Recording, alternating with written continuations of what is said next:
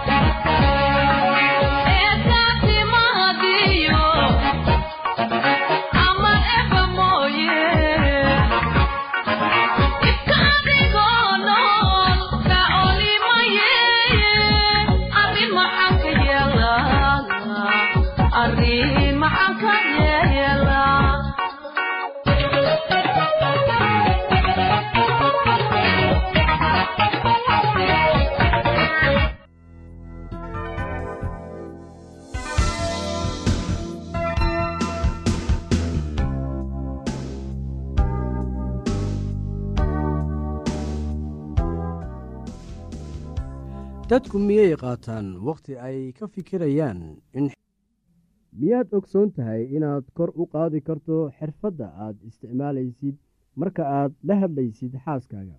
Tan waxay keenaysaa natiijo ah inaad kor u qaadaan hab nololeedka gurigiina ama reerkiina. Waxaa jirta ooraah af ingiriisi ah oo odhanaysa trade your family like friends and your friends like family taasoo macnaheedu yahay ula dhaqan qoyskaaga sida saaxiibbo oo kale. Saaxiibbadaadana ula dhaqan sida qoyskaaga oo kale. Badankeen waxaynu u baahan nahay inaynu muujinno dadaal dheeraad ah oo inaynu xaaskeenna ula hadalno si deggan. Isla sida aynu saaxiibbadeenna ula hadalno aalaa isdhexgalku waxa uu keenaa dayac iyo xurmayn la'aan. Oo ma lahaanayno dareen ina xukuma waxaynaynu dareemaynaa inaynu samayn karno oo odhan karno wax waliba oo aynu doonno. Waxaynu isku odhanaynaa maxaa ka micno ah haddii aad sidaa u hadashid ama aad sidaa samaysid? Waa maxay kuwan waa dad qoyskaaga ah sida xaaskaaga ama carruurtaada waxaynu isa siinaynaa dadka ka tirsan gurigeenna oo waxaynu ula dhaqmaynaa sida kuwa aynu inaga leenahay. Waa dad aad wada joogtaan maalin kasta iyo wakhti kasta deetana dareenkii qaaska ahaa ee is-xushmaynta si tartiib tartiib ah ayuu u lumayaa. Tan oo kale miyay ku qabsatay weliga? Kaba soo qaad waxa aad u socdaashay meel ka fog guriga muddo dhan saddex isbuuc. Kadib markii aad ku soo laabatay guriga waxaa lagula dhaqmayaa sidii qof marti ah oo kale. Laba ama saddex isbuuc dabadeed xurmadii qaaska ahaanta ahayd oo lagu siinayay ayaa dhammaanaysa oo sidii caadiga ahayd oo aad isu dhexgeli jirteen ayaa bilaabanaysa oo nin nin sidaa u danaynayo ma jirto. Waxa aynu ka hadlayno waxaa weeye habka ugu wanaagsan ee aad kula xiriiri karto oo aad kula hadli karto qofka aad wada joogtaan. Sidee ayaad hadal ugu bilowdaa qofka aad wada joogtaan? Habka aad ula hadlaysid miyaa loo arkaa sida inaad jeesjeesaysid oo aad waxba ka dan lahayn miyaad muujinaysaa inaad xiisaynaysid qofka aad wada joogtaan oo aad isguursateen si uu u garto inaad danaynaysid isaga.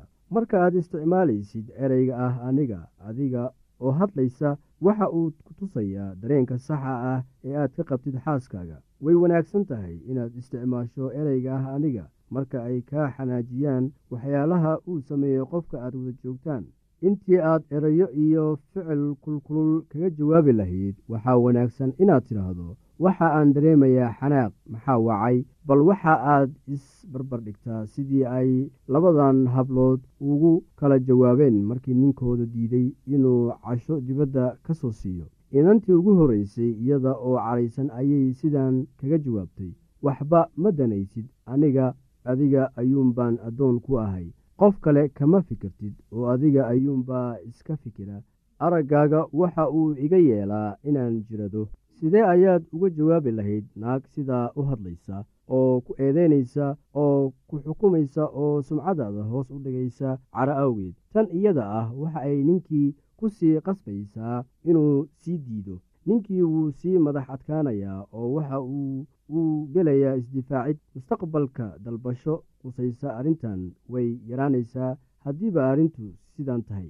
Bal dhegayso sida ay haweentii kale kaga jawaabtay markii ninkeedu diiday inuu casho dibadda ka soo siiyo. Caawa waxaan u baahanahay nasasho. Maxaa yeelay toddobaadkan oo dhan waxa aan ka shaqaynayay guriga waxaan doonayaa inaan wakhti kula yeeshto oo aan kula sheekaysto caawa sida dad waaweyn oo kale. Naagtan labaad iyada oo qura ayuunbay iska hadlaysaa oo waxay sheegaysaa sida ay dareemayso. Oo runtii ninkeeda waxa uu ka doodaba ma lahan maxaa yeelay waxay sheegtay oo qura siday dareemayso oo ma aanay soo magac qaadin isaga. Haddii ad adigu tahay waxaa dhici karaa inaad xitaa go'aankaagii hore beddesho oo aad haweentan casho u kaxayso miyaanad sidaas samayseen. Maxaa wacay hadalkii ku dhisan ereyga ah aniga ayaa waxa uu si dhaqsiya iridda uga bixinayaa weerar isdifaacid iyo cay timaada haddii ay naagtu xusiiso ninkeeda waxyaabo iyada oo dacweynaysa oo ku leh waxaad wakhti badan siisaa shaqada xafiiska oo wakhtiga uma haysid reerkaaga waxaa dhici karta in ninku sidan kaga jawaabo arrintan mar waliba sidan ayaa tahay bilow haddana mar kasta eedeyn iyo gunuunac. Badanaa waxaynu hilmaannaa sida qofka aynu la noolnahay u doonayo inuu ina daneeyo oo ina tixgeliyo. Sida dhabta ah haddii aad doonaysid in dareenkaaga la tixgeliyo waa inaad si joogto ah oo toosan ula xidhiirta afadaada ama ninkaada. Waxa aad dareemaysid u sharax qofka aad wada joogtaan si uu u awoodo inuu fahmo Thank you.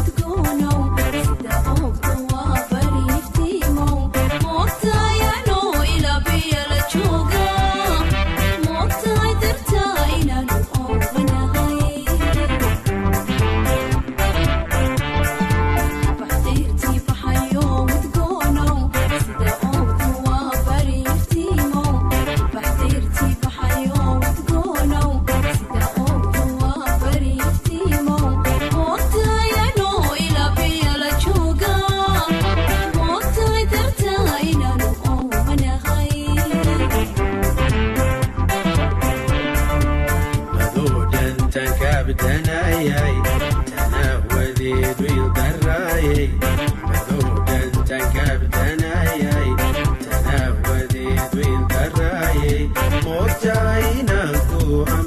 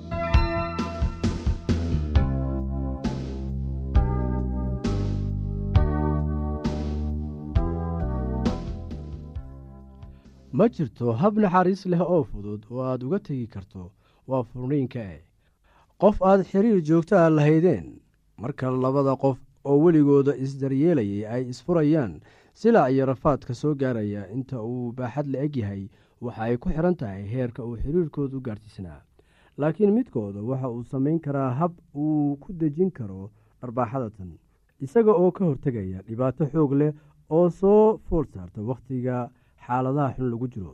Weliga haddii aanay ku soo marin waayo aragnimada furniinka waxaa hubaal ah inay ku soo mari doonto maalin uun sidee baad haddaba u xamili doontaa marka qof aad jeclayd oo aad si wanaagsan u dhaqaalaynaysay kuu sheego inuusan mar dambe doonayn xiriirka aad wada leedihiin ee jacaylka ah.